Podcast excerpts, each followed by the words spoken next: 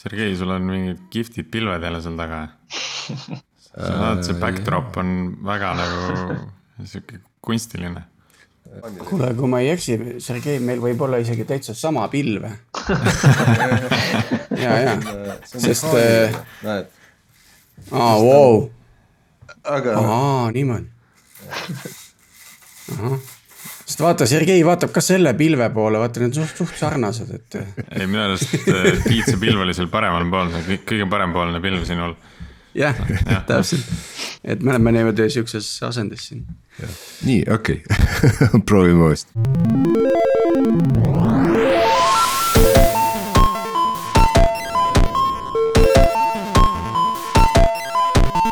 Täna on siis üheksas juuli ja me salvestame järjekordset Algorütmi episoodi. mina olen Sergei Anikin Pipedrive'ist ja meie virtuaalses stuudios on koos minuga Tiit Paananen Veriffist, tere Tiit. ja Priit Liivak Nortalist, tere Priit. tere, tere. Pole ammu sind näinud meie tõsi, stuudios. tõsi ta on, hea on tagasi olla. just, meil on ka hea meel ja meie tänase saate teemaks on Elk Stacki üks konkreetne tehnoloogia me ei julge need kogu stack'i võtta. aga see tehnoloogia on siis Elasticsearch äh, ja äh, miks me võtsime selle, sest sellel on peale seda tavapärast andmeotsingu funktsionaalsust on ka üks huvitav võimalus, nimelt on tal väga tugevad analüütika, andmeanalüüsi nagu funktsioonid ja võimalused ja seda on võimalik kasutada ka raportite tegemiseks ja selleks, et rääkida sellest konkreetsest äh, võimalusest, me kutsusime täna Kristjan Jurisoo äh, meile külla äh, ta töötab hetkel koos minuga Pipedrive'is ja meie Pipedrive'is kasutame Elasticut just selleks, et tekitada raportid meie kasutajatele. tere, Kristjan. tere, tere. ja nüüd nagu me tavaliselt teeme, kõigepealt tutvume Kristjaniga äh,. oleks hea teada, Kristjan, millega sa oled enne Pipedrive'i tegelenud äh, ja, ja mis tehnoloogiaid sa oled kasutanud ja, ja millega sa hetkel tegeled Pipedrive'is, mis su väljakutsed on? Mm -hmm. et äh, ütleme arenduse juurde kui sellise, ma arvan, ma sattusin tegelikult äh, võrreldes nii-öelda mõndade võib-olla kolleegidega päris, päris nagu hilja, et ma tegelikult ma arvan, ma esimese rea koodi kirjutasin alles ülikooli alguses, et ma enne seda tegelesin pigem nagu äh, spordiga ja muude huvidega, et, et ma selle IT juurde kuidagi sattusin nagu jah, natukene hiljem kui võib-olla nii mõnigi teine nagu arendaja, et äh,, et äh, ma olin nagu, nagu paljudki tegelikult äh, noored peale gümnaasiumi lõppu, et, et mis nüüd edasi ja kuhu edasi ja siis äh, ma teadsin, ma tahtsin midagi tehnilist nagu teha ja vaatasin, et, et et see IT võib-olla oleks selline asi, mis mulle meeldiks, et äh, olin nagu enne noh, gümnaasiumis käinud ka, kus anti palju nagu reaalaineid, et äh,, et tundus nagu põnev ja ma ütleks, et tegelikult see huvi nagu isegi tekkis pigem nagu esimese, võib-olla isegi mitte esimese semestri või aasta jooksul, pigem nagu teisel-kolmandal aastal, et äh, et siis nagu hakkas. siis, kui asi praktilisemaks läks. just, just, just, just, alguses on natuke niisugune nagu. matemaatiline. mis see nüüd on, et, et Äh, siis, kui asi praktilisemaks läheb, kui sa näed juba esimesi neid äh, äppe kuskil brauseris, siis on nagu natuke asi lõbusam, et äh, siis hakkasid tegema sellised esimesed nagu nii-öelda freelance projektid ka ja see oli endal rohkem huvi jaoks, seda rohkem nagu uurima seda maailma. et äh, ja, ja tegelikult ma tegelikult äh, baka ajal ma nagu tööle otseselt ei läinudki, tegingi siin mingeid projekte siit-sealt enda huviks natukene. ja noh, enamasti need olid ikkagi niimoodi PHP-s ja HTML-is ja CSS-is on aja ikka alustaja stack. kuigi koolis noh, enamus ained vist puudutavad pigem Javat, aga Java oli selline, et ise kodus nagu Javat väga tihti püsti ei pannud, et, et PHP-ga nagu oli lihtsam alustada ja ja siis kool sai nii-öelda baka sai lõpetatud, siis ma tegelikult läksin veel magistrisse ja magistriõpingute ajal ma tegelikult läksin nagu rohkem nii-öelda tekkis nagu tegelikult see rohkem nii-öelda huvi ja, ja arusaamine, siis äh, magistriõpingute ajal ma tegelikult töötasin ka LHV-s mõnda aega äh,, noh, praktikal ja, ja seal tegelesin üldiselt või noh, seal ma kirjutasin Javat.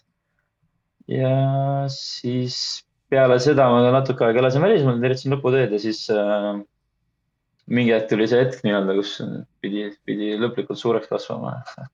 Et äh, tööle, tööle minema ja siis, siis sattusin nagu Pipedrive'i, üks sõber oli siin ja soovitas ja, ja, ja ma arvan, et äh, kusjuures Pipedrive'is on testitöö, et see oli, võis teha vist PHP-s või Node'is ja ma arvan, et see oli, ma ei ole päris kindel, aga ma arvan, et see oli peaaegu esimene kord, kui ma üldse Node'i nagu näppisin, et ma teadsin sellest, olin lugenud, aga ma ei olnud midagi teinud sellest ja siis äh, tegin selle töö nagu ära, läks hästi täna ma töötan Pipedrive'is ja saatus irooniline muidugi esimesed, ma ei tea, pool aastat ja aasta ma Pipedrive'is pigem tegelesin just PHP-ga ja selle Legacy'ga.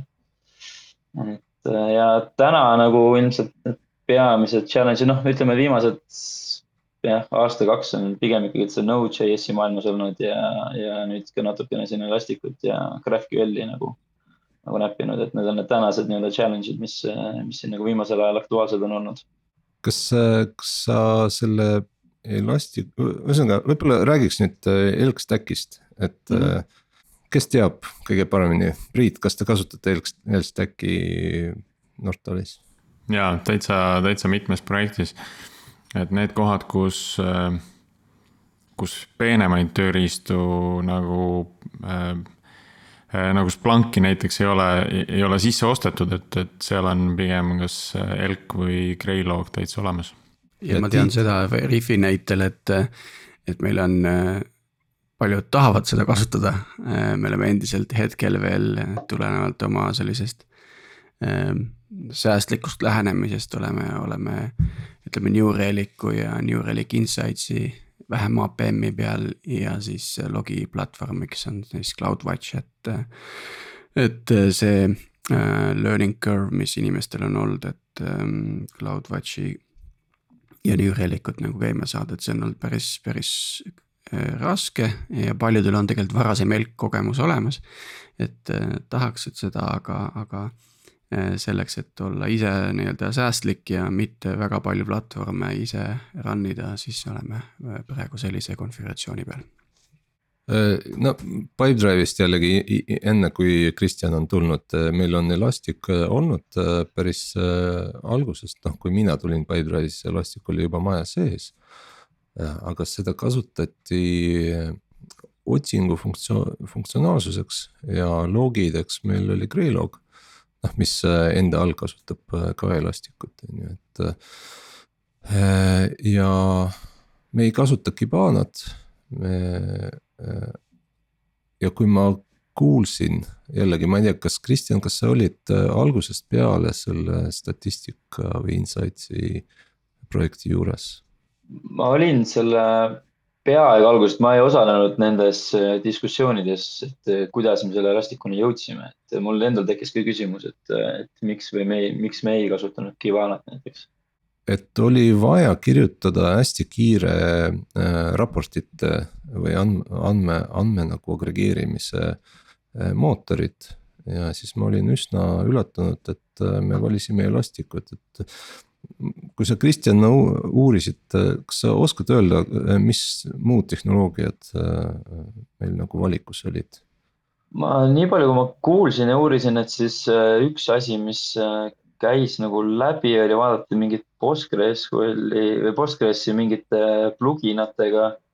siis kas äkki oli Influx äh,, vaadati ka mingeid muid SQL-i lahendusi ja äkki oli sihuke asi nagu Aerospike ja noh, Kibana oli ka kindlasti arutlusel, et äh, aga ma ei tea neid täpseid põhjuseid või äh,, või jah, põhjused, miks, nagu just see jõudis Elasticule, et ilmselt need agregatsioonifunktsioonid, mis Elasticul tegelikult on olemas, äh, tundusid nagu töötavad täpselt sellise, selle jaoks, mis me tahtsime ja, ja võib-olla ka Kibanaga võrreldes näiteks, et need natukene annavad rohkem nii-öelda customiseerimise võimalusi.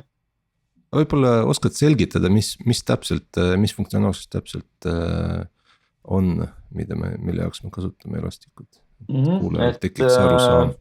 just, et ütleme, et alustame äkki sellest, et miks me üldse nagu sellise vahetuse tegime, et meil oli vana nii-öelda statistikavaade on ju selline vaade, kus nii-öelda müügimehed või siis mänedžerid või kes iganes saab minna vaadata agregeeritud tulemusi enda nagu Pipedrive'i sees olevast datast, et.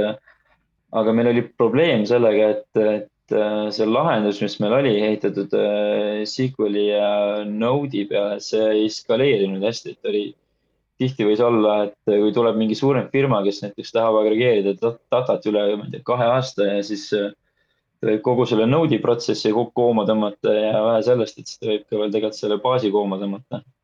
et mm. -hmm. Varasemalt tehti seda agregeerimist siis äh, node'i sees või nii-öelda traditsioonilisel viisil, et tõmmati baasist terve hunnik andmeid ja siis äh, jahvatati neid äh, õigele kujule. just ja jah, et põhimõtteliselt see nagu mingi hetk enam eskaleerinud, vaatamata sellele, et tegelikult seal olid igasuguseid äh, nii-öelda optimisatsioone tehtud, et oli, kasutati replikaid ja mingeid in-memory table eid ja, ja prooviti igasuguseid asju, aga siis mingi hetk jah, tekkis see, et, et peaks nagu mingi uue lahenduse sinna taha tegema, et, et siis äh, nii-öelda jõudiski Elasticuni, et, et, et Elastic nagu on selline tööriist, mis on just mõeldud nii-öelda suurte andmehulkade töötlemiseks ja, ja nii-öelda benchmarking näitas ka, et see võib väga hästi töötada, et, et näiteks ma siin paar päeva tagasi jooksutasin mingit agregatsiooni üle, kas see oli kuskil kolmkümmend miljonit nii-öelda dokumenti Elasticus, et noh, see võttis seal noh, et alla, alla poole sekundi, et kui ma oleks Node'is midagi sarnast teinud, siis see ilmselt oleks natuke aeglasem olnud okei okay., aga võib-olla räägiks, mis, kas Elastic, noh, ma tean, et jällegi, et Elasticu äh, kasutuselevõtt või selle arhitektuur võib ka erinev olla ja et kuidas need dokumendid, millis, kuidas indeksitesse äh, jaotada, et äh, võib-olla oskad siin natuke nagu täpsemini mm -hmm. rääkida, kuidas, kuidas me teeme seda? Äh, ütleme, meie nii-öelda üks asi, millest me nüüd alustasime ka Elasticu mõttes oli see, et äh, noh, et meil on Pipedrive'is on sellised nagu entity'd või andmeobjektid nagu deal'id või tehingud, siis äh, nendel on selline ajalooline data on ka põhimõtteliselt olemas, et nagu stage log, et põhimõtteliselt sa saad nagu näha, et kus diilid on olnud, kus on liikunud noh, ajalooline nii-öelda diili liikumise, liikumise info.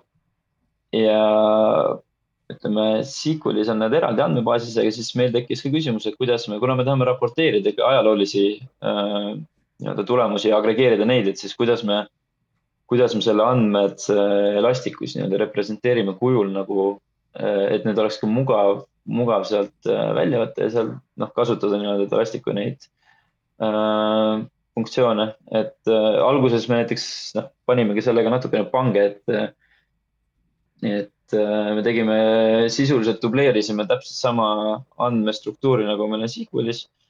et kaks eraldi tabelit, mis siis Elasticu keeles on nii-öelda kaks eraldi indeksit.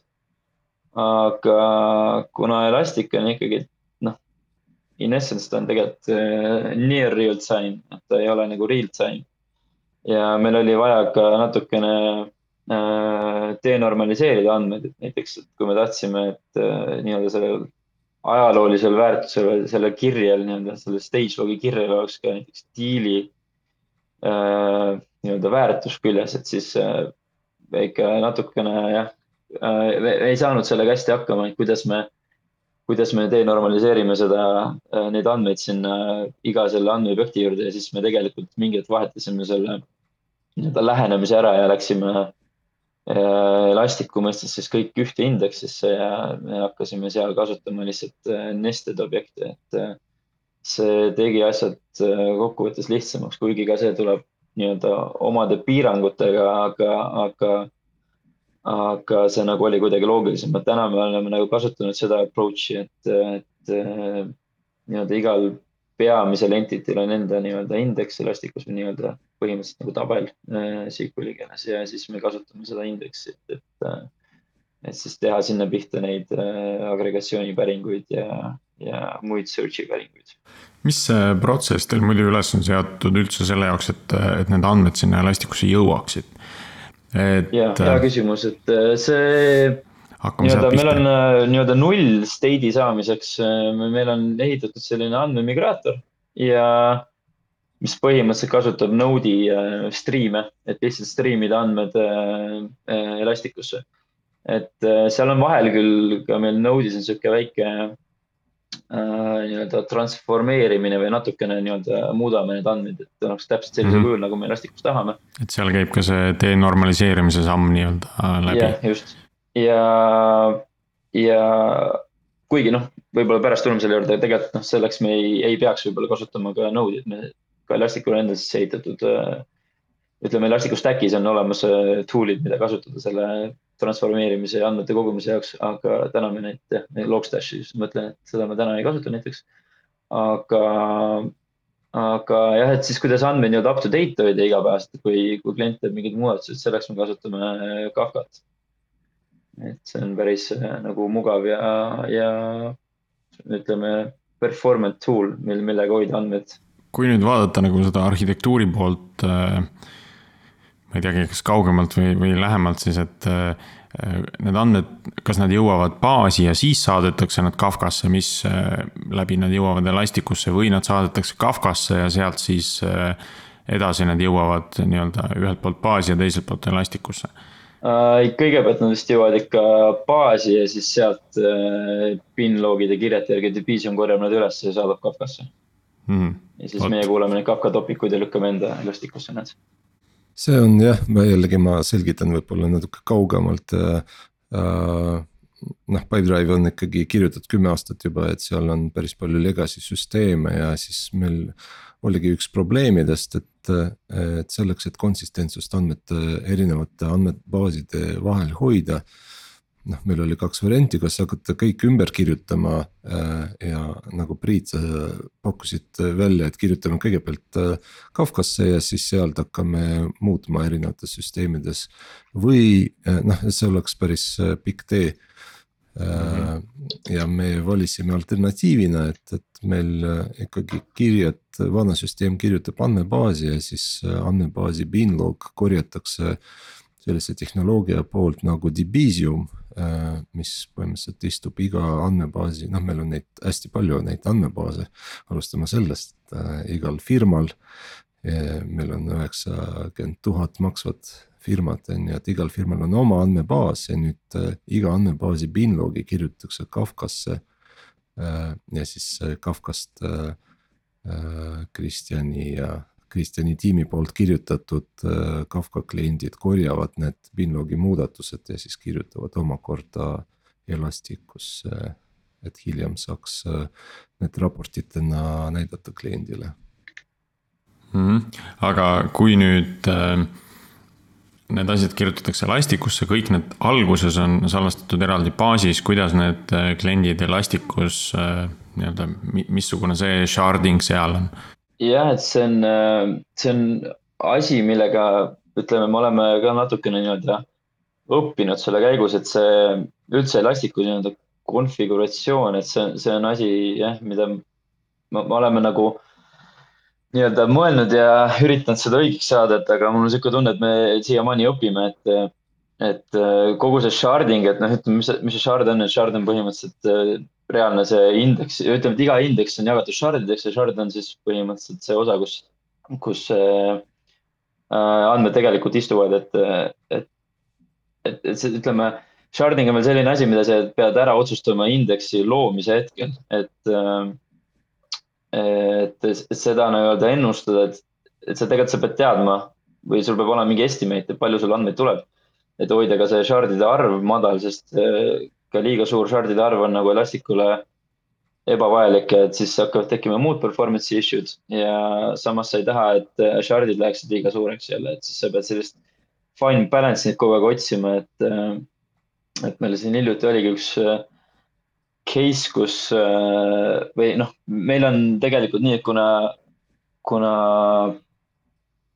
me üritame ka, tahame kasutada või mitte ei taha, teemegi, et me provide ime ka custom feed'e nii-öelda mis tähendab seda, et meil tegelikult on äh, igal firmal on oma mingid süsteemi väljad, mida nad saavad lisada ja kuna me ei taha, et, äh, et äh, ükski indeks nii-öelda õhku plahvataks tänu sellele, et on liiga palju asju mapping us, siis meil on tegelikult kõrgema tier'i nagu klientidele on, igal kliendil on enda indeks. ja mis tähendab seda, et meil on tegelikult hästi palju shard'e kokkuvõttes, sest iga klient saab enda indeksi ja kui meil on seal näiteks kümme tuhat indeksi, kui sa paned nendele veel igale ühele ühe replika näiteks, siis on juba kakskümmend tuhat shard'i, eks, et. et äh, see on asi, mida me ka öö, äh, oleme optimeerinud, aga kuna igal data node'il, noh, meil on täna on üheksa data node'i. et by default on igal data node'il kuskil äh, tuhat shard'i vist oli limiit Elasticusse sisse kirjutatud, me näiteks tõstsime selle kolme tuhande peale. me täna no, ei ole seda nii-öelda. parameeter ühesõnaga. ja, ja aga Elastic ise selles mõttes on päris hea, et ta, need default parameetrid on päris äh, hästi seatud, et äh, ta ei lase nii-öelda õhku lennata kogu klastril. et äh, me conf'isime selle parameetri küll kõrgemaks ja noh, tegime seal natuke ka mõned muud optimisatsioonid, aga, aga see shard'ide üldarv, et see on natukene olnud meil probleemiks, aga, aga täna ma arvan, et me saame nagu sellega hakkama, et, et see ei ole nagu nii suur probleem, et see nagu päriselt suureks probleemiks saaks kui palju seda on tulnud ette, et ühel hetkel äh, saate aru, et oh, nüüd tuleks midagi ringi teha. no näiteks äh, kas siis seda shard'ide arvu muuta või indeksi struktuuri muuta, et äh, laseme selle indeksi maha, paneme selle migraatori uuesti käima ja noh, genereerime seda... siis ütleme, et alguses oli seda rohkem kindlasti, näiteks kui me alustasime, siis me ikka reindekseerisime, ma arvan, neli-viis korda, et probleemid olid ka selles, et, et Äh, kui me näiteks mõne mapping'u, kuna me üritame ikkagi indeksi selle mapping'u, mis on siis põhimõtteliselt nende väljade definitsioon. me üritame selle paika panna äh, hästi täpselt kõikide tüüpidega, keyword oleks õige, et, et äh, kuupäevade formaat oleks õige.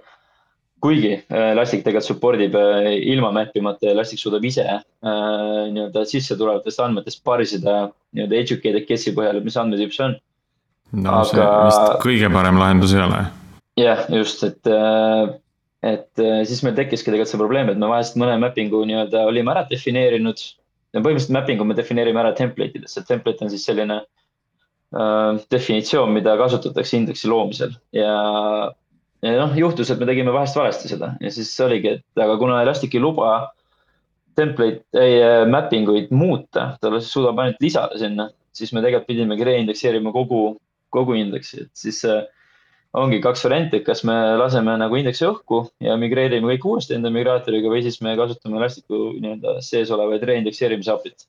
aga õnneks me tol hetkel olime veel faasis, kus meil ei olnud kliente taga, siis me võisime nagu õhku lasta, aga see reindekseerimise või ütleme, remigreerimise protsess on ka selline, mis võtab aega, et kuna me, meil on andmeid päris palju, et ja need andmestruktuurid võivad minna võrdlemisi suureks, siis me tegelikult ikkagi migreerisime kohati siin äh, nädal, nädal aega, niisugune vahelduva eduga, mitte nii, et paneme nüüd jooksma ja migreerime, aga, aga et äh, ta nõuab käe hoidmist ikkagi päris tükk aega, et. Äh, ja noh, sellega on ka see, et ütleme, neid migreerimise teenused, et sa pead kogu aeg mõtlema, palju, palju me nagu neid konteinereid sinna püsti tõmbame, et et kui me liiga palju paneme, et siis me tõmbame jälle Elasticule liiga suure load'i peale, et kuidagi peab selle nagu ka balance ime ära, et äh, meil siin paar päeva tagasi oligi üks case, kus ma tõmbasin ka sinna, migreerisin uusi andmeid, mida klientidel veel täna ei ole.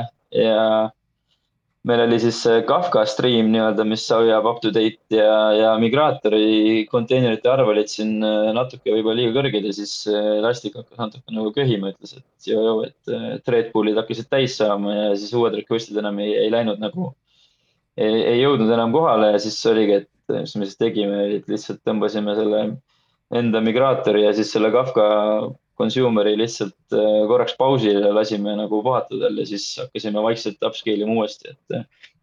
et see on üks asi, mis nagu, mida on raske nagu või no me oleme kuidagi nagu ei ole leidnud seda õiget balance'it või väga raske on öelda, et one fits all, et alati on selline, et oleneb, mida me teeme, palju me teeme, palju klientide, palju Kafkast hetkel tuleb andmeid ja noh. et see on selline selline huvitav, huvitav nagu äh, consideration olnud. Ma teeks, äh, teeksin äh, väikse kõrvalepõige, et see on täitsa huvitav teema, nagu kuulad seda on ju ja siis äh,. siis mõtled, et mis, mis on nagu alternatiivid, on ju, et, et, et sul on suur süsteem, sul on palju andmeid selleks, et tuua mingisugune uus tehnoloogia või, või, või noh, ma ei tea, upgrade ida olemasolevat või midagi ümber teha, et siis sa pead kogu aeg arvestama sellega, et sul on vaja tegeleda andmete migratsiooniga, on ju. ja, ja suurte süsteemide või vanade süsteemide puhul äh, noh, sa pead arvestama, et, et andmete migratsioon võib võtta noh, kaks, kolm, kümme korda rohkem aega, kui. kui selle uue tehnoloogia sissetoomine ja selle andmete migratsiooniga peavad tegelema needsamad arendajad, on ju, ja siis. siis nii-öelda äripool või, või see tellija pool küsib, et, et millega te tegelete, et, et kuhu see aeg läheb, et miks, miks te ei ole efektiivsed, on ju. ja, ja tegelikult ei, ei mõista, et, et et selle nagu andmete masseerimine, et see, et sa kümme aastat tagasi ei suutnud nagu et, ette mõelda, kui palju sul tegelikult äh, noh, sa, sa ei oska isegi aasta ette ette mõelda, kui palju sul on vaja tegeleda mingite uute asjade või, või, või uute andmete migreerimisega, et, et. et see on see varjatud pool nii-öelda arendajate tööst mm. -hmm. aga no siin. ma nüüd täpsustaks seda, seda, seda Pipedrive'i use case'i veel kord, et ma saan aru, et täna on siis Elastic kasutusel kliendi andmete kliendile kuvamise statistilises funktsioonis, ehk siis see statistika moodul nii-öelda korjab selle kokku sealt, et, et mis on nagu võimalik alternatiiv Sarmale use case'ile noh, eks meil äh, see võimalik alternatiiv nii-öelda oli, oli juba olemas, et, äh, et äh, mis küll. ehk siis see Node'i, Node'i rakendus nii-öelda, mis. mis küll jah näitas, mis nagu näitas, et see ei, ei eskaleerinud väga hästi, et. Aga noh, teine alternatiiv on ka muidugi sisse osta. selles mõttes me räägime ikkagi sellisest andmekuubist, on ju, et, et see on see, mida sina kui noh, äriomanik tahad teada, et, et, et Äh, noh, ütleme näiteks äh, sinu ettevõtte äh, rahavood on ju ja siis sa tahad neid lõigata äh, ajas, et see kuu, eelmine kuu, see aasta, eelmine aasta on ju. ja lisaks sul on teised dimensioonid, et sa tahad lõigata neid näiteks riikide kaupa, et. et kui palju sa oled müünud Eestisse, kui palju sa oled müünud Soome ja nii edasi, on ju, ehk tekib selline andmekuub ja nende andmekuubide jaoks eh, noh, andmeanalüüsi valdkonnas on neid lahendusi olemas, et noh, seesama Teradata või, või. Või noh, Postgresil on samamoodi on analüütilised andmebaasid, aga, aga tavaliselt need lahendused on teatud lag'iga ja nad ei ole mõeldud nagu online päringuteks, et ta, et, et tihti eh, noh, on vaja ette arvutada äh, mingisugused perioodid või andmed Äh, siis neid on äh, suhteliselt raske, eks äh, laiendada, et tavaliselt see on konkreetsele kliendile mõeldud, aga kui. sul on üheksakümmend tuhat klienti ja igaühel on oma andmestruktuur, et siin ei, ei tohi nagu unustada, et meil. noh, Pipedrive'is iga klient võib endale oma äh, custom andmestruktuuri luua noh, meil põhiobjektid on noh samad, aga, aga mõnel on näiteks kolm Äh, adre-, äh, aadressi äh, välja ja, ja teisel on kolm mingisugust kuupäeva andmevälja ja nii edasi ja. ja siis soov on ka nende väljade järgi lõigata, et ütleme, et, et ühel on näiteks klient, oma klientide mingisuguse valdkonna äh, valdkonnad nii-öelda, kuhu nad müüvad, on, on eraldi välja defineeritud ja, ja teisel on just geograafia on, on nagu äh, oluline aspekt ja, ja noh, meil on vaja süsteemi ehitada, mis äh, sobib nii ühele kui teisele. Ja Sergei, kindlasti need kuubid, mida sa enne kirjeldasid või millest sa ka nüüd räägid, äh, noh, need on pigem ikkagi selline lihtsustatud kuju et kui, kui on nii palju erinevaid kliente, siis need ärivajadused ja äriküsimused, mida esitatakse, on, on hoopis erinevad. või noh, on, on hoopis keerulisemad ja seal kindlasti tahetakse teada asju, mida me ei suuda ettegi kujutada, et. et tahaks saada geograafiate lõikes ja vaadata eh, diagonaalis eh, neid, eh, neid siis lõppkliente, kellele helistati jaanipäeva õhtul kella kuue ja üheksa vahel, on ju et aru saada, et kas, kas sellel on mingisugune täiendav impact nagu müügitegevusele, eks, et. et seda dünaamilisust on seal nagu tohutult palju, et äh, seda ma nägin ise just ka telekomi maailmas, et kui palju loomingulisust suudab nagu äri sisse tuua, mida arendaja ja testija ei mõtle mitte kunagi välja kindlasti ja noh, siin lõpmatuseni nagu sellist ela-, elastistset süsteemi ei saagi teha, aga ma saan aru, et Kristjan parandab, kui ma eksin, aga, aga me oleme suutnud ikkagi suhteliselt hea sihukese ähm, balansi leida äh, oma süsteemis, kus me suudame enamikke neid äh, päringuid ikkagi ära rahuldada. jah, jah, et ma, ma ütleks, et isegi, et Elasticu enda see API näiteks on päris hea, et selles mõttes, et ta, ta suudab out of the box äh, pakkuda igasuguseid time-based agregatsioone, mida me varem tegime koodi pooleli, mis oli noh, sealt tuleb ikka korralik makaron kokku, et aru saada ja seda jälgida, et Elasticus lükkad ühe, ühe päringu teele, et anna mulle nüüd need andmed agregeerituna nädalate kaupa ja et noh, need tulevad väga, väga lihtsalt ja väga kiirelt sealt välja, et noh, et isegi nii-öelda koodi haldamise mõttes see on nagu oli, on olnud hea lahendus ja me täna tegelikult suudame enamus nii-öelda kliendi vajadused, isegi nii-öelda custom nii-öelda Äh, field'id või noh, väljad, mida kliendid lisavad, et me suudame enamasti nende järgi ikkagi äh, agregeerida ja neid äh, nii-öelda raporteerimise filtrites kasutada, et, et noh, see on, see Elastic on meil nii-öelda võimaldanud ikkagi päris palju nii-öelda custom lahendusi tuua võrreldes sellega, mis meil nagu varem, varem näiteks oli. et täna teil on ka see suurepärane võimalus, et klient tuleb oma sooviga. Te saate suunata ta Elasticu API dokumentatsiooni peale, eks ole, öelda, et äh, noh, siin on need võimalused, siin on need. Äh, vot seda meil veel ei ole. seda meil ei ole, ei. aga kuidas, kuidas saab klient need andmed kätte, et siis ta ei käi otse selle indeksi vastas, vaid. ja meil, meil on, meil on ikkagi endale ehitatud API, mis noh, mille täna meie see peamine nii-öelda selle API klient on meie noh, front-end teenus, aga, aga noh see ikkagi on ka klientidele mõeldud, see täna see API on GraphQLis tehtud, et, et see on nii-öelda vahelayer selle andmebaasi ja, ja, ja selle nii-öelda data vahel. ma arvan, et seal.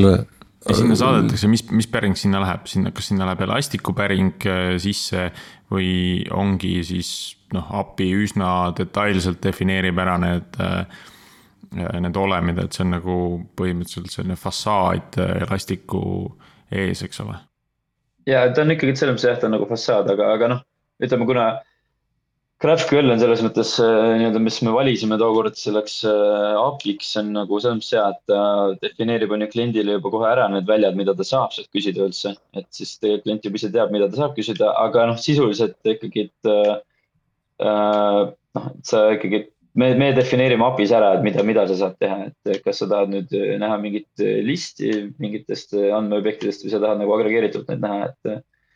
ja noh, siis on muidugi igasugused lisavõimalused seal API-st, et noh, kuidas, kas pagineerida seal või grupeerida mingite teatud väljade järgi ja noh, nii edasi, nii edasi.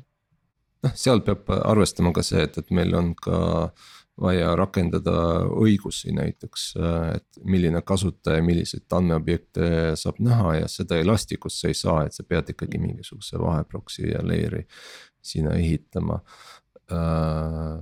ma tahtsin veel samamoodi siin mainida, et, et jah, me näitame agregatsiooni on ju, aga, aga aga kasutaja tahab aru saada ka, et, et et see kuup, et mis on need üksikud kirjed, mis on selle agregatsiooni kokku äh, kokku arvutanud või, või on sisse läinud sinna mm, aplikatsiooni. ta tahab neid andmeid ka seal all olevaid andmeid just, ka näha. just, et kui me ütleme, et, et näed, sa võitsid viis diili eelmisel nädalal, siis ta äh, soovib ka näha, et millised need diilid olid. Äh, ja, ja need, ma saan aru, on, on ka Elasticu indeksis olemas, on ju. just. ma küsiks siis teistpidi, et kui palju täna see noh, ütleme. Elasticus Stack nagu konkureerib andmehaidaga. või kas see on mingisugune potentsiaalne suund, mis just nagu real-time asjade nagu vaatamiseks on, on võimalik? sa mõtled meie andmehaidega või meie klientide andmehaidadega? jah, et ma mõtlengi, et kas kui näiteks äh, ma olen Pipedrive'is kuskil äris, äriosakonnas tööl, eks ju, ja mul on mingisugused raportid on ju ja siis. Äh, ja ma näen, et data warehouse'is on kogu aeg eilne pilt, eks, ja mul oleks vaja midagi täna, on ju, mis, mis on just, juhtus just praegu, et. kas siis, kas siis see on koht, kus see Elasticstackil põhinev analüüsi stack nagu tuleb konkureerima? kusjuures ähm, meie andmeaidas, no me võime uuesti kutsuda Tarmot külla, et ta räägiks äh, uuesti oma äh, stack'ist, aga meil ei ole Elasticut data warehouse'is, et, äh, et see on hämma-, noh. ma arvan, et, et äh, miks me siin saates praegu sellest räägime, et, et täitsa võimalik kasutada Elasticut selle jaoks on ju, et, et ma tahaks ka panna, et ei pea hästi keerulist, et kui, kui see firma ei ole väga suur, et, et ja vajadused ei ole väga nagu keerulised, et siis tegelikult. Need arendajad, kes tegelevad andmeaida ehitamisega, võiksid täitsa mõelda Elasticu kasutamisele, ma, ma arvan kuidas see nüüd välja näeks, et kui meil siin ühtegi andmeaida äh, meest täna stuudios ei ole, aga me võime sellegipoolest äh, fantaseerida, et kuidas see välja näeks. et, äh, et see oleks siis tegelikult midagi sarnast sellele migraatori protsessile, eks. mingit sorti ETL protsess, mis siis need andmed ühest baasist välja pumpab, transformeerib ja mingiks indeksiks vormib. ja seda indeksit siis saaks kasutada juba Äh, andmete visualiseerimiseks siis ka ajaloolises vaates. just, et andmeaidas, äh, nii palju kui mina saan aru, et äh, sul on vaja mingisugust analüütilist andmemudelit. ja, ja noh, see ei tähenda, et sul raw data on seal salvestatud, aga sa pead saama sellest raw datast selle analüütilise andmemudeli ära täita Äh, ja siis sa pead seda kuskilt hoidma ja võimalikult kiiresti sealt äh, need erinevad päringud suutma teha. ja noh, praegu meil näiteks äh, andmed on, on pigem raw ja siis meil on hästi pandud, hästi palju mm, jõudu pandud real time nagu selle raw data pealt aruande, aruannete arutamisele. me kasutame Sparki selle jaoks Äh, aga noh, alternatiivina on võimalik äh, ju seda andmemudelit äh, ette arvutada või noh, Elastikusse panna ja. ja kasutada selle analüütika jaoks.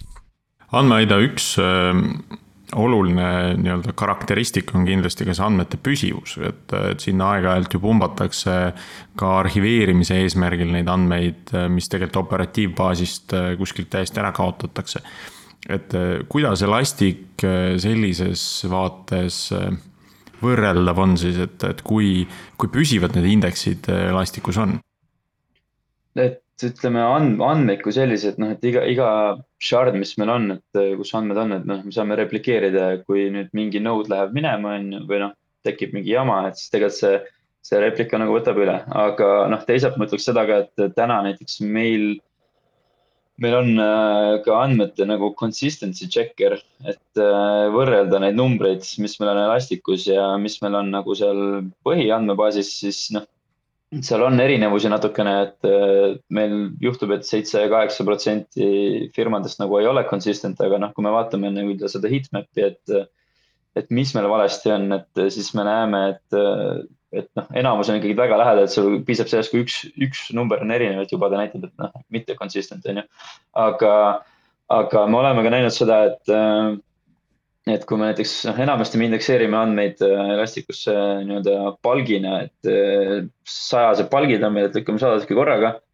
ja Elastic on selline, noh, põhimõtteliselt ta kui üks juba palgi sees fail ib, siis ta silent, mitte silent, aga ta fail ib selle ühe ära ja ülejäänud üheksakümmend üheksa nagu lähevad sisse ja et miks see, me oleme näinud seda, et see üks näiteks seal palgi sees võib fail ida vaba, vabalt sellepärast, et me oleme.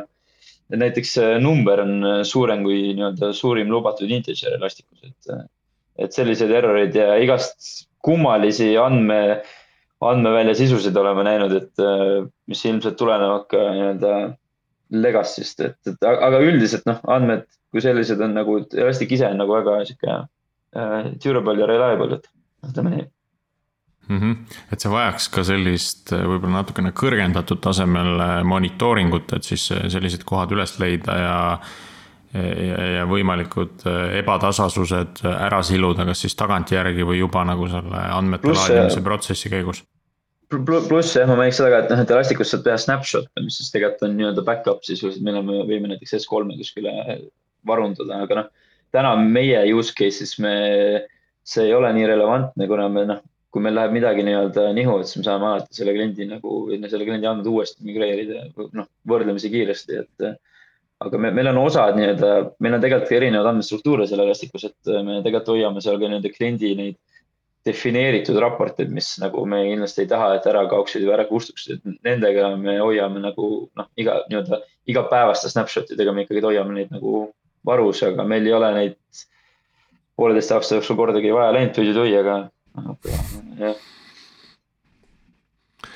ma arvan, et siin. kas, kas search on endiselt muidu Elasticu peal teil jah? Äh, Setš on ka endiselt, Kristjan, sa vist ei tegele sellega, on ju. ei, ei ole, mina ei ole kokku puutunud jah. et, et, et selle jaoks on eraldi klaster ja seal on eraldi struktuur, aga põhimõtteliselt töötab samal põhimõttel, et.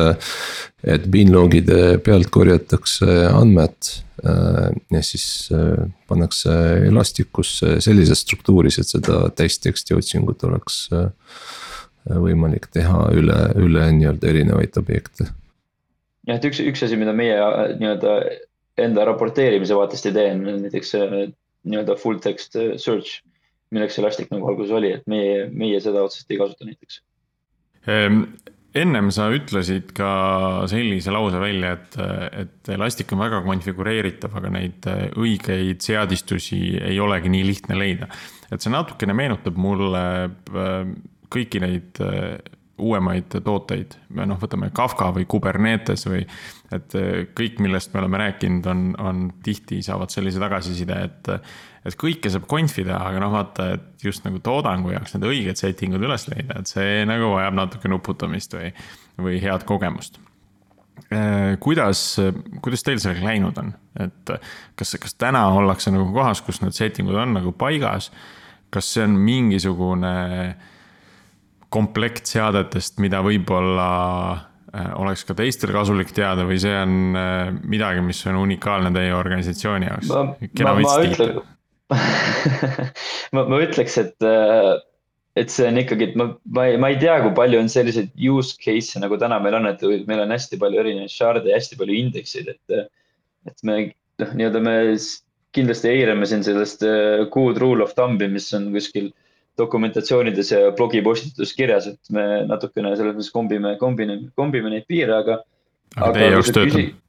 meie jaoks nagu ma ütleks jah, et täna nagu see seadistus, mis meil täna on, et pigem, pigem nagu töötab, et meil on siin olnud mingeid probleeme, aga ma ütleks, et trial and error'iga me nagu vaikselt jõuame sinna, aga nagu olles seda öelnud, siis äh, mulle tundub, et meil ei ole nagu kellelgi väga suurt äh, nii-öelda väga head know-how'd, et äh, potentsiaalsetest probleemidest või äh, üldiselt nagu, et mis, mis võib valesti minna, et ütleme, et iga, iga probleemiga, mis meil tekib, et siis me üritame aru saada, mis valesti läks ja seda vältida, aga noh, ma ei tea, mis näiteks homme võib tulla, kui me paneme sinna hunniku andmeid juurde, et, et mis, millised probleemid siis välja tulevad nagu. kuidas see community Elasticsearchi osas välja näeb, et äh, palju seal sellist community based nagu support'i on? ütleme, kui ma isiklikult lihtsalt olen hakanud guugeldama mingeid probleeme, küsimusi, siis peaaegu kõik küsimused on kuskil äh, Elasticu seal support'i foorumis äh, küsitud ja vastatud, et selles mõttes see community on äh, minu arvates on päris, päris nagu päris okei okay., et isegi kui võtta näiteks seda ka, et Elasticus üldse ökosüsteem, et, et näiteks klientid on olemas, ametlikud klientid, need on olemas kõikidele, kõikidele suurematele keeltele, et noh, .NET ja Java ja Node ja, ja nii edasi, et et äh, ja, ja teisalt veel ütleme siia, et üks teine see Elki Stacki osa, mis on äh, Beats, mis on siis mõeldud äh, nii-öelda väikeste nii-öelda lightweight monitooringu agentide jaoks sul topida kuskile enda serverisse, et ta saadab näiteks mingit serveri andme, serveri andmed, et need, need ma olen aru saanud, eks töötavad noh, peamiselt community põhjal, et kus inimesed arendavad sinna väikseid neid tükikesi juurde ja, ja, ja tundub, et see on nagu ikkagi võrdlemisi suur community nagu nii, Priit, kas teil äh, tekkis äh, huvi või, või isu kasutada Elasticut kuskil analüütika pro projektides nüüd? mm,? tead, ma üldse ei välista, et seda juba kuskil kasutatakse analüütiku projektides ka. aga kindlasti see andis parema pildi sellest nii-öelda veel ühest viisist, kuidas elastikut saaks kasutada, sest noh, kõige tavalisemad kasutused ju siiski on otsing ja, ja noh, ka see, kuidas teda logide või Elk Stack kasutab ennast tegelikult otsingu jaoks, on ju, et. Äh, aga, aga see, et äh, kasutada seda suuremalt äh, andmete agregeerimise jaoks ka. ja et see seal. ja just time-based ka, et, et siin on hästi oluline see et teine selline hea feature, mis seal minu arust on, mida meie küll ei kasuta, aga et noh, et see geolokatsioonide põhine otsimine ja sellised asjad on sinna kõik nagu sisse ehitatud, et et äh, saad koordinaatidega andmeid otsida piirkonna lõikes. paned näiteks sinna mingi koordinaat sisse ja ta ütleb sulle, kas see on näiteks selles vahemikus, et kas see punkt asub nende koordinaatide vahel ja, ja nii edasi, et seal. ja noh, see ka läheb edasi sinna, et sa saad äh, teha suvalisi, äh, noh, et see ei pea olema geolokatsioon, et see võib olla lihtsalt ristkülik mingite koordinaatidega. üks asi, mis paelus tähelepanu, oli see, et Elasticu lehel öeldakse, et Amazon Elasticsearch ei ole sama asi. et eh, what's up with that või tead, mina, mina kusjuures eh, väga hästi ei tea, aga mulle tundub, et eh, Amazoni lihtsalt need Elastic, mis nad, nemad pakuvad seal, et on, kuna ta ei ole see nii-öelda native Elastic, et siis neil on vähem feature eid kokkuvõttes vaatasin ka seal Elastiku lehed oli väga põhjalikud, pikad, pikad võrdlustabelid, et sa kindlasti nagu teeks valet valikut, et. ja, ja just, just.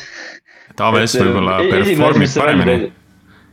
aga kas, kas on see niimoodi, peab paika, et AWS võib-olla performib paremini, aga siis see feature set on väiksem? täiesti võimalik, nad ju teevad, teevad sama asja ka noh, teiste andmebaasi mootoritega, et, et seesama Aurora on ju, et, et tal on erinevate baasi nii-öelda protokollide või liideste mm, variandid, aga all on hoopis teine, teine mootor. mis äh, oskab seda failover'it ja maintainability't ilmselt teist, teistmoodi nagu on ehitatud. Ja noh, sa ei saa kõiki või see ei ole mõistlik ju sul kõiki featuure äh, pakkuda, et pakutakse kaheksakümmend protsenti ilmselt sellest, mida tava, tava engine'il on. ja Kristjan, võib-olla räägid, et mis, mis hetkel nagu või mis tule, mis tulevik toob, et mis teil veel lahendamata on praegu?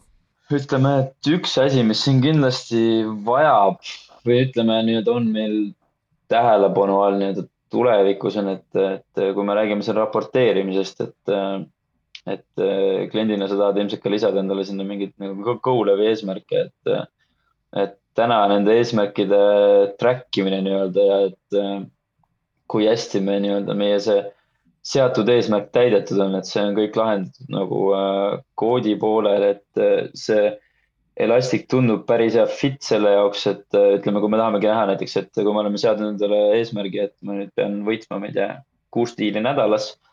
et äh, kuna Elastic nagu äh, on päris nagu hea nende timeframe'ide just agregeerimise osas, et siis see oleks kindlasti koht, kus me saaks ka nii-öelda eesmärkide, goal'ide track imist viia Elasticu poolele ja natuke ära kasutada seda võimekust seal ja, ja vähendada seda komplekssust enda nii-öelda koodi poolel, mis meil täna, täna on seal päris äh, nii-öelda kompleksne kas Elasticus mingit alertide vigurit ei ole?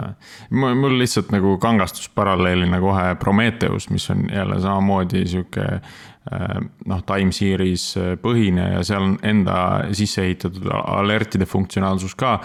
mis on osati arusaadav, sest see Prometheus on ikkagi monitooringu tool, Elastic teeb midagi muud no Aga... me, meie isegi, noh, me, me kasutame tegelikult äh, Prometheust küll Elasticu nii-öelda stack'i peal, me vaatame näiteks noh äh, igast data node'ide ja master node'ide CPU usage'it ja selliseid mm -hmm. asju, et. ma mõtlen just, et kas, kas Elasticus endas, noh, kui sa räägid sellest, et et mingisugune goal saavutatakse mingisuguse time frame'i sees, eks ole. Et, et siis Elastic oskaks ise saata selle teate välja või selle sõnumi välja, kas siis Kafkasse või kuskile mujale, et. noh, nüüd mingisugune condition või mingisugune search andis nagu positiivse tulemuse mm,? mm. -hmm. ma kahtlen, ma ei, ei oska jah sulle öelda seda praegu niimoodi et mul, ma hakkasin nagu mõtlema selles suunas just selle tõttu, et kui nad siin juba geograafilisi andmeid äh, oskavad targalt otsida ja igasuguseid äh, ajapõhiseid agregatsioone teevad, noh et. et, et siis Grey, äkki nad on tean, natuke kaugemale läinud ma tean, et Greylogis on need alertid samamoodi olemas. ja just ja no Elkis on ka, aga see on just nagu peale ehitatud funktsionaalsus, eks ole, et, et Elastic jääb ikka enda, enda põhiliistude juurde siis otsingu tööriistana ma küsin veel nüüd, panin Põhjala mütsi pähe siin, et või ühesõnaga, noh, tegelikult ei olnud see Põhjala müts, aga. sa küsid, et kellel juba on Põhjala müts. visuaalselt, visuaalselt ma olen teises rollis, eks ju, et palju see maksab? et kui nüüd, kui nüüd Tiit tahaks äh, Põhjala jaoks panna püsti korraliku sihukese elastiku stack'i. Kus... jaa, sest mul on põhimõte, et see asjad, mida me kasutame, ei tohi mitte midagi maksta. aga serverite eest ikka maksad? no serveri eest nagu jeeli-jeeli olen nõus maksma, jah. naabrimehe omad on need nojah. Et häkkisid wifi sisse, panid naabrile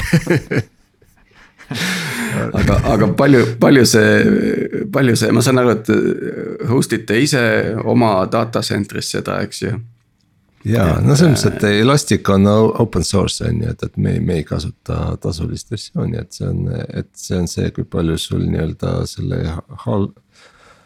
halduse, enda haldusse nii-öelda ei, ehk äh, infrastruktuuri inseneeride ja riistvara maksumus on, aga noh, see on jagatud ja noh, selgelt äh, on see, et, et kui palju sul andmeid on, meil on ikka meeletult, meeletul, meeletus koguses andmeid, et.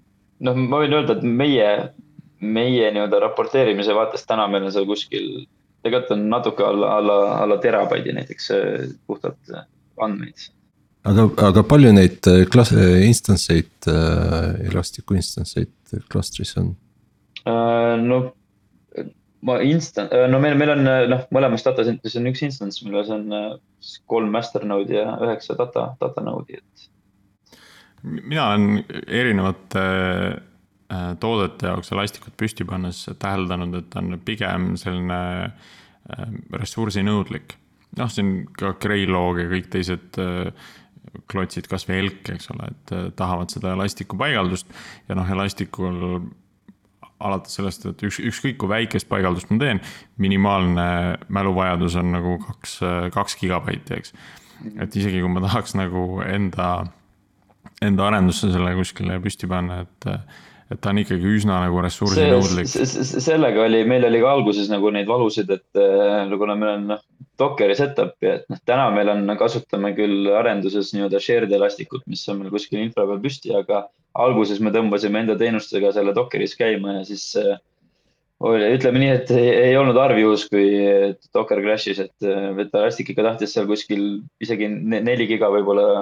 no just, et, et kaks on see dokumentatsioonis äh, defineeritud yeah. miinimum on ju, et ära alla selle mm -hmm. üldse proovigi.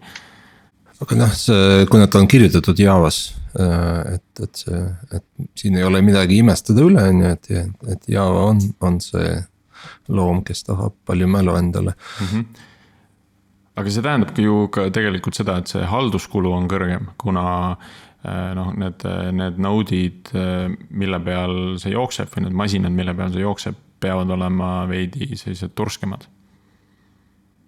Ja noh, kindlasti, aga see on ka võimalus, on ju, et, et kui keegi kirjutaks äh, Elastiku näiteks. Go peale. või noh, Go jah, või Asmisse, et siis äh, et siis on opportunity. aga Tiit, äh, kas sa mõtled nüüd võtta Elastic kasutusse, et oma Põhjala nii-öelda analüütilist võimet suurendada? Ja mul on seal ilge loomaaed, et, et kuna noh, head visualiseerimise tooling on ka nagu piiratud, mis on tasuta kättesaadav, eks ju. Et siis, siis mul seal joonistab, Redash joonistab äh, graafikuid ja, ja Grafana teeb tabeleid ja, ja QuickSight arvutab heatmap'i, et äh, iga, iga nii-öelda visualiseerimistuul on eh, diagrammi tüübist eh, nagu valitud parim, et. et ma arvan, et see, kui ma saaks troppida selle MySQL'i baasi sealt tagant ja andmed kõik Elastic'usse panna ja sinna peale Kibana, et võib-olla. võib-olla see on track, mida ma peaksin evalueerima, et, et, et simuleerida nii-öelda data warehouse'i et äkki siis saaks mõne nendest visualiseerimise lahendustest äh, ära poetada sealt eest. Aga Just. ma, ma, ma siin, äh, Tiit, pean äh, natuke sind kurvastama, et, et kui sul on vähe andmeid. siis, siis sa ei pea seda tegema. just, et see on alati olnud ka, et nii kui, niipea kui ma olen midagi üles lasknud, siis ma näen, et okei okay,, et et. uusi framework'e see... ka ei pea tegema, aga noh, me ikkagi. ja, ja et vähe, ja andmeid on tõesti vähe ja kasutajaid on vähe, et, et mõni, mõnikümmend. ja, ja, ja tulles tagasi selle naabri äh, arvuti kasuta-, kasutamist, sul peab vähemalt kaks naabrit olema, keda sa oled häkkinud, et oleks failover sa pead mõne juurde leidma aga äh, teades, et te jooksutate kõike AWS-i peal, et äh, noh, milline on see standard node, mis, mis node'i peal üks äh, selline ähm,, mis tüüpi masina peal siis äh, jookseb Elastic?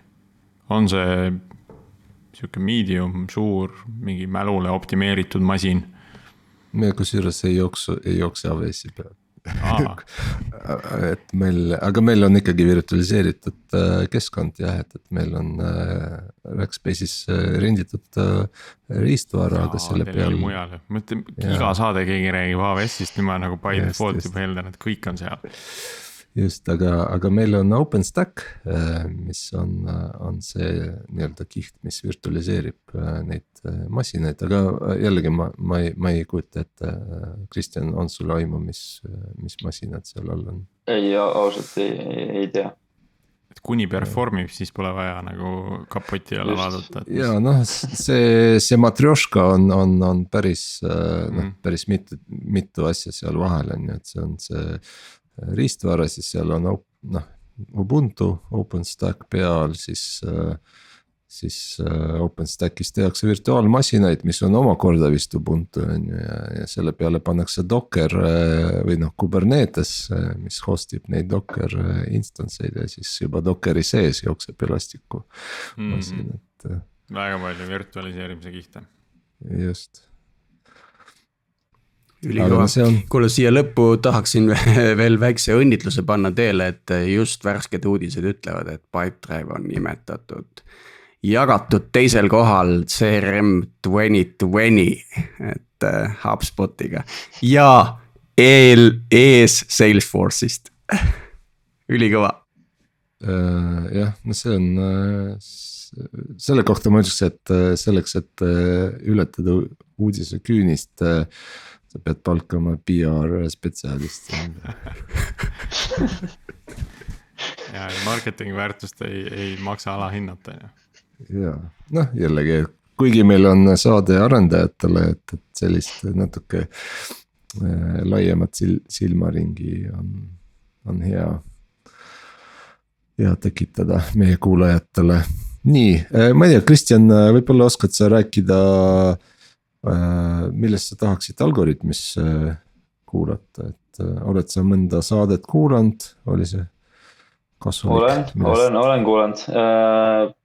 mulle isiklikult meeldivad siuksed äh,, mulle meeldivad lood äh,, inimeste lood äh,. lood ka sellest äh,, kuidas mingit äh, tehnoloogiat kasutatakse võib-olla jah, samamoodi mingis kontekstis võib-olla, millest sa esmapilgul ei mõtle ja teisalt meeldivad alati ka need lood, mis, kus nagu räägitakse sellest, et mis ikka läks täiesti pekki nagu. nii-öelda failure'id on alati, neid on põnev kuulata minu meelest seoses Elasticuga, mina olen juba rääkinud, ma, ma olen vist äh, sada korda seda lugu rääkinud, aga äh,. siis kui Pipedrive'is Elastic oli kasutuses search'i jaoks, me kasutasime seda ka Äh, päris andmete salvestamiseks ja, ja, ja me ei arvestanud sellega ja lasime mõned indeksid põhja ja siis kaotasime andmed ja. ja see on see lugu, millest ei tohi unustada ja, ja tuleb tuleb alati mõelda, et kas see andmebaas või konkreetne tehnoloogia, kas need andmed on võimalik neid taastada või see on ikkagi taastamatu ja, ja, ja, ja ma arvan, et seal osaliselt ka kommunikatsiooni nii-öelda puudus on see, mis tekitab selliseid probleeme, kus mõned arvavad ühte ja teised teist ja siis tekib probleem. nii, on meil tänase saate lõpuks veel kellelgi midagi öelda või paneme lukku? Ikka tahaks seda üleskutset korrata, et meie Facebooki grupis äh, tuleksite välja ideedega ja esinejate kandidaatide, kandidaatidega ja, ja noh, ma ise olen üritanud äh, sellist peer pressure'it nagu tekitada, et nimetage teisi ja üksteist, et mm. -hmm. siis. Ennast võib ka alati soovitada, aga teisi on tihti lihtsam soovitada küll me nad siia kohale tõmbame. Ja, ja ei tohi, ei tohi ka karta, et, et siin on meil nagu Kristjan äh, on vend, on näinud, on sihuke sõbralik äh, Äh, vestlus, kus, mida ei pea kartma. ja et meie eesmärk on, just. eesmärk on loomulikult see, et, et külaline oleks targem kui meie ja seda ta on ka siiamaani olnud. aa, nüüd sa tekitad juba sellise. jaa, peer pressure veidi nagu riske juurde. konkreetses teemas Äh, võib-olla sa unustasid mainida lihtsalt, et meist targem ei, ei ole väga raske olla just täpselt, et äh, universaalnahaalide vastu saab küll. saab kergesti.